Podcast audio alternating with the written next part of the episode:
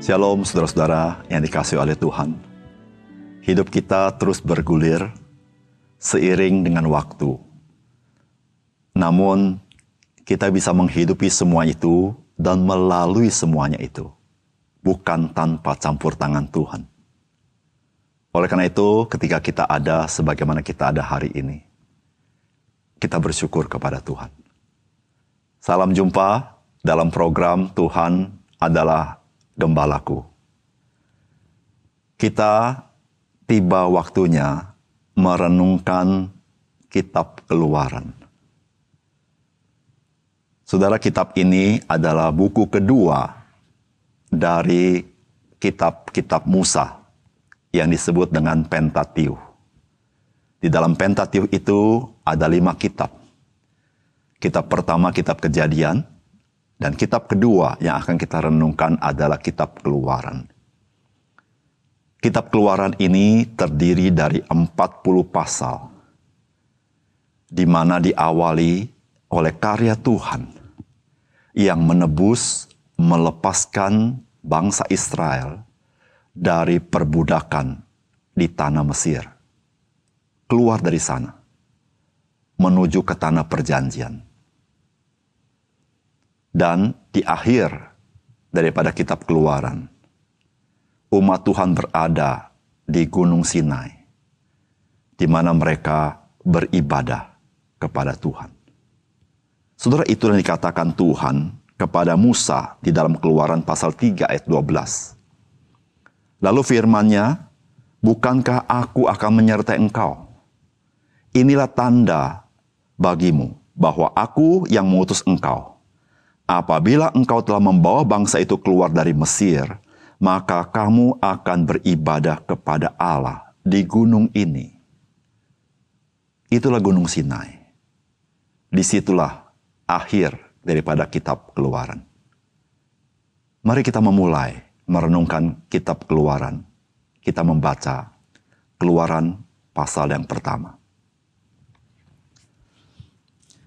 Inilah nama para anak Israel yang datang ke Mesir bersama-sama dengan Yakub. Mereka datang dengan keluarganya masing-masing. Ruben, Simeon, Lewi, dan Yehuda. Isakar, Sebulon, dan Benyamin. Dan serta Naftali, Gad, dan Asyir. Seluruh keturunan yang diperoleh Yakub berjumlah 70 jiwa.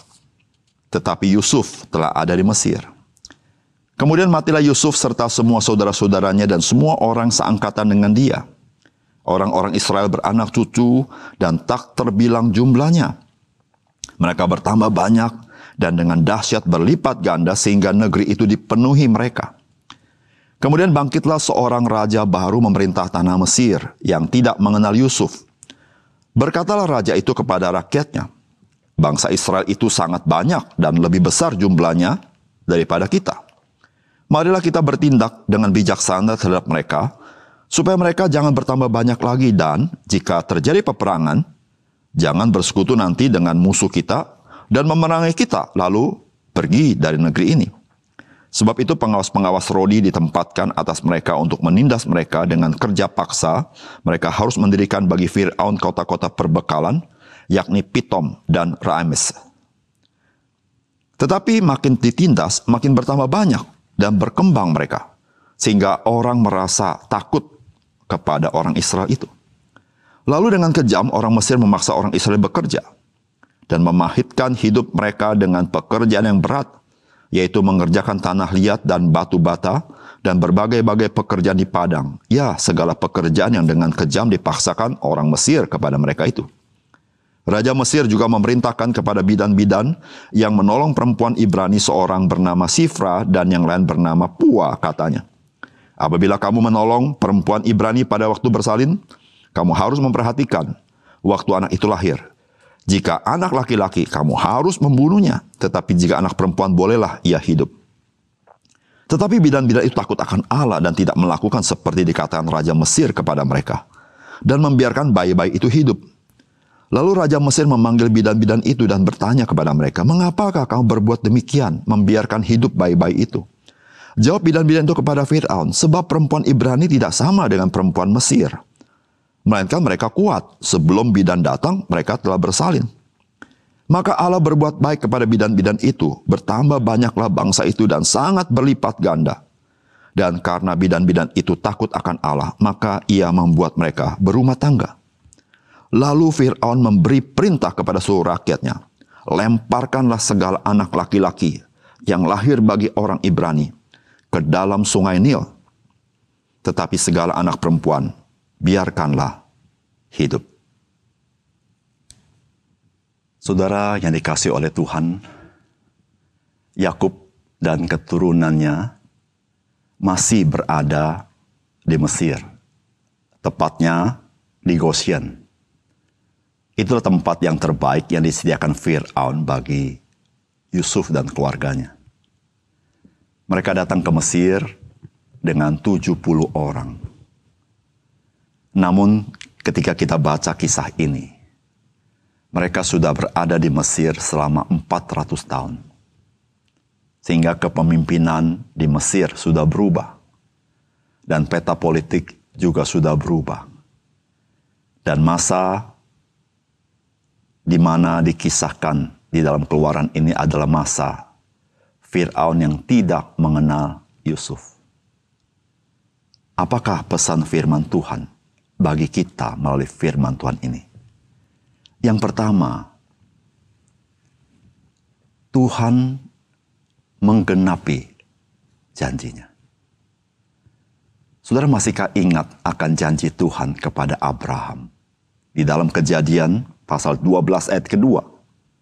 Aku akan membuat engkau menjadi bangsa yang besar dan memberkati engkau serta membuat namamu masyur dan engkau akan menjadi berkat menjadi bangsa yang besar. Abraham dan Sarah sampai masa tuanya, mereka akhirnya punya seorang anak yang bernama Ishak. Dan kepada Ishak Allah melanjutkan perjanjiannya. Dan Ishak itu mempunyai dua orang anak, yaitu Esau dan Yakub. Dan Tuhan mengadakan perjanjian bukan dengan Esau, tetapi dengan Yakub. Dan Yakub ini mempunyai anak-anak 12 orang. Saudara dari 12 orang ini, Tuhan menjadikan sebuah bangsa yang besar. Saudara bukankah Tuhan kita, Tuhan yang menggenapi janjinya kepada umat Tuhan. Itu yang dikatakan di dalam Keluaran pasal 1 ayat ke-6. Kemudian matilah Yusuf serta semua saudara-saudaranya dan semua orang seangkatan dengan dia. Mereka tinggal di Mesir. Ayat ke-7. Orang-orang Israel beranak cucu dan tak terbilang jumlahnya. Mereka bertambah banyak dan dengan dahsyat berlipat ganda sehingga negeri itu dipenuhi mereka. Saudara, apa yang Tuhan janjikan kepada Abraham? Yang waktu itu Abraham masih belum punya anak. Maka kita mulai melihat bagaimana Tuhan menggenapi ketika kita membaca keluaran pasal 1 ini.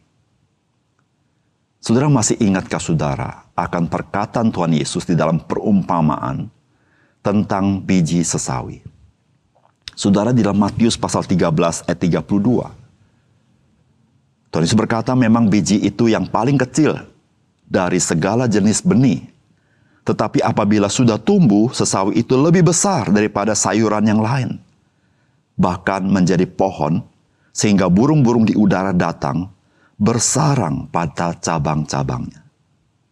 Saudara yang Tuhan Yesus bicara ini adalah tentang kerajaan sorga. Saudara memang di awalnya dia begitu kecil sebagaimana Abraham. Pada awal dia belum punya anak. Bahkan dia hanya punya anak tunggal yaitu Ishak. Namun Tuhan berjanji dia menjadi bangsa yang besar. Dan di dalam keluaran ini kita menyaksikan bagaimana Tuhan menggenapi janjinya. Saudara demikian juga dengan kerajaan sorga. Saudara-saudara di awalnya seperti biji sesawi. Tapi dia terus akan berkembang dan terus berkembang dan terus mempengaruhi dunia ini. yang di dalamnya Tuhan mempercayakan kepada kita orang-orang percaya untuk menjadi saksi akan kasih karunia-Nya, menjadi saksi akan kabar baiknya. Dan kita melihat bagaimana kerajaan sorga itu terus menjadi berkat bagi banyak orang. Saudara kasih dalam Tuhan, hari ini kita membaca kisah bagaimana Israel berlipat kali ganda. Namun hari ini kita menyaksikan bagaimana Roh Kudus bekerja di seluruh dunia. Diawali dengan satu biji sesawi yang kecil. Sekarang dia sudah menjadi besar dan menjadi berkat bagi banyak orang. Dan pekerjaan Tuhan ini akan terus merambat semakin besar. Saudara dan saya, Tuhan mau pakai untuk menjadi berkat kabar baik dari Tuhan kita Yesus Kristus. Yang kedua, saudara firman Tuhan hari ini mengajar kepada kita. Masa sulit tidak menghalangi Tuhan menggenapi janjinya. Saudara ayat 12 dikatakan, tetapi makin ditindas, makin bertambah banyak dan berkembang mereka. Sehingga orang merasa takut kepada orang Israel itu.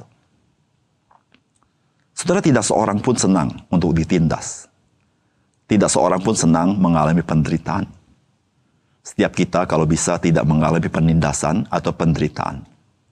Dan sering kali ketika kita mengalami penindasan penderitaan, sebagai orang percaya, maka kita mulai berpikir, apakah Tuhan tidak bekerja? Kenapa Tuhan membiarkan? Bagaimana Tuhan menggenapi janjinya? Sebagaimana kita lihat hari ini, kejahatan begitu melonjak. Namun firman Tuhan hari ini memberitahukan, penindasan, penderitaan, kejahatan tidak sanggup menghalangi Tuhan menggenapi janjinya. Tuhan melebarkan seluruh kekuasaannya di alam semesta ini terhadap segala bangsa dan terhadap segala kerajaan. Karena Yesus berkata, segala kuasa telah diberikan kepadaku di sorga maupun di bumi ini. Saudara yang kasih dalam Tuhan, kita menjadi orang berbahagia ketika kita tahu tidak ada yang bisa menghalangi Tuhan menggenapi janjinya. Dan kita bersandar kepada dia. Angin badai boleh datang dalam hidup kita. Bencana bisa datang dalam hidup kita. Masa gelap bisa menghantui kita. Namun, tidak ada yang dapat menghalangi Tuhan untuk menggenapi janjinya kepada orang-orang percaya. Bersandarlah kepada dia. Yang ketiga, Saudara firman Tuhan hari ini mengajarkan kita sesuatu yang sangat indah. Masa sulit itu juga adalah masa Tuhan sedang bekerja. Saudara sering kali kita pikir masa sulit itu masa Tuhan tidak bekerja. Tapi firman Tuhan hari ini memberitahukan dia bekerja. Bagaimana dia bekerja? Heran sekali. Dia bisa memakai orang-orang yang tidak diperhitungkan untuk menggenapi maksud dan rencananya. Yaitu bidan-bidan orang Mesir di mana mereka tidak membunuh anak laki-laki perempuan-perempuan Ibrani. Mereka menyelamatkan anak laki-laki itu. Saudara siapakah yang memperhitungkan bidan-bidan ini? Mereka bukan nabi. Mereka bukan raja. Mereka hanyalah bidan-bidan yang bekerja menolong orang melahirkan. Tetapi Tuhan dia bisa pakai orang-orang ini. Di masa-masa sulit, di mana orang lain tidak bisa berkarya, seluruhnya berhenti. Tapi Tuhan tidak pernah berhenti. Dia memakai orang-orang yang tidak diperhitungkan menjadi orang-orang yang terlibat begitu signifikan di dalam rencana agung keselamatan Tuhan. Saudara yang kasih dalam Tuhan, Ketika kita menghadapi masa sulit, kadang-kadang kita tidak bisa melihat Tuhan bekerja. Saudara Tuhan bekerja secara senyap sebagaimana dia bekerja di antara para bidan ini. Dia bekerja tidak mentereng, tidak menyolok. Namun saudara, dia bekerja. Meskipun tidak mentereng, tidak menyolok. Tetapi apa yang Allah kerjakan, itu signifikan, sangat berpengaruh di dalam kehidupan orang-orang percaya. Oleh karena itu saudara, marilah di masa-masa sulit, masa-masa sukar, kita jangan meninggalkan iman kita. Kita justru mengokohkan iman kita karena kita tahu Tuhan dia tetap bekerja. Bahkan saudara di tengah-tengah masa sulit, saudara maukah saudara dipakai oleh Tuhan untuk masuk dalam rencananya, untuk mengalami bagaimana Tuhan menggenapkan rencana di dalam kehidupan kita dan kehidupan banyak orang. Mari kita berdoa. Bapak surga terima kasih untuk kebenaran firman-Mu. Bagaimana Tuhan Engkau menggenapi janjimu di tengah-tengah kami mungkin meragukan apakah ini bisa terjadi. Karena Abraham dan Sarah hanya punya satu orang anak. Ishak mempunyai dua orang anak. Yakub punya 12 anak dengan pergumulan yang begitu berat. Namun Tuhan, setelah 400 tahun mereka ada di Mesir, jumlah mereka tidak terhitung. Itu pun diakui oleh Fir'aun, mereka lebih banyak daripada penduduk Mesir. Ya Tuhan, kami ingat akan perkataan Tuhan mengenai perkembangan kerajaan Allah dan kerajaan surga. Biar Tuhan tolong kami. Kami menjadi orang yang berpaut padamu tidak luntur iman kami. Kami sungguh-sungguh bersandar kepada Tuhan dan kami belajar ya Tuhan. Masa-masa gelap, masa-masa sukar, itulah masa di mana Tuhan bekerja meskipun dengan senyap. Tapi Tuhan bekerja dengan begitu indah, begitu signifikan yang mempengaruhi sejarah dunia ini dan mempengaruhi hidup kami. Tuhan biarlah mata rohani kami melihat seperti itu sehingga kami tidak putus asa. Terima kasih Tuhan. Dalam nama Tuhan Yesus kami berdoa. Amin.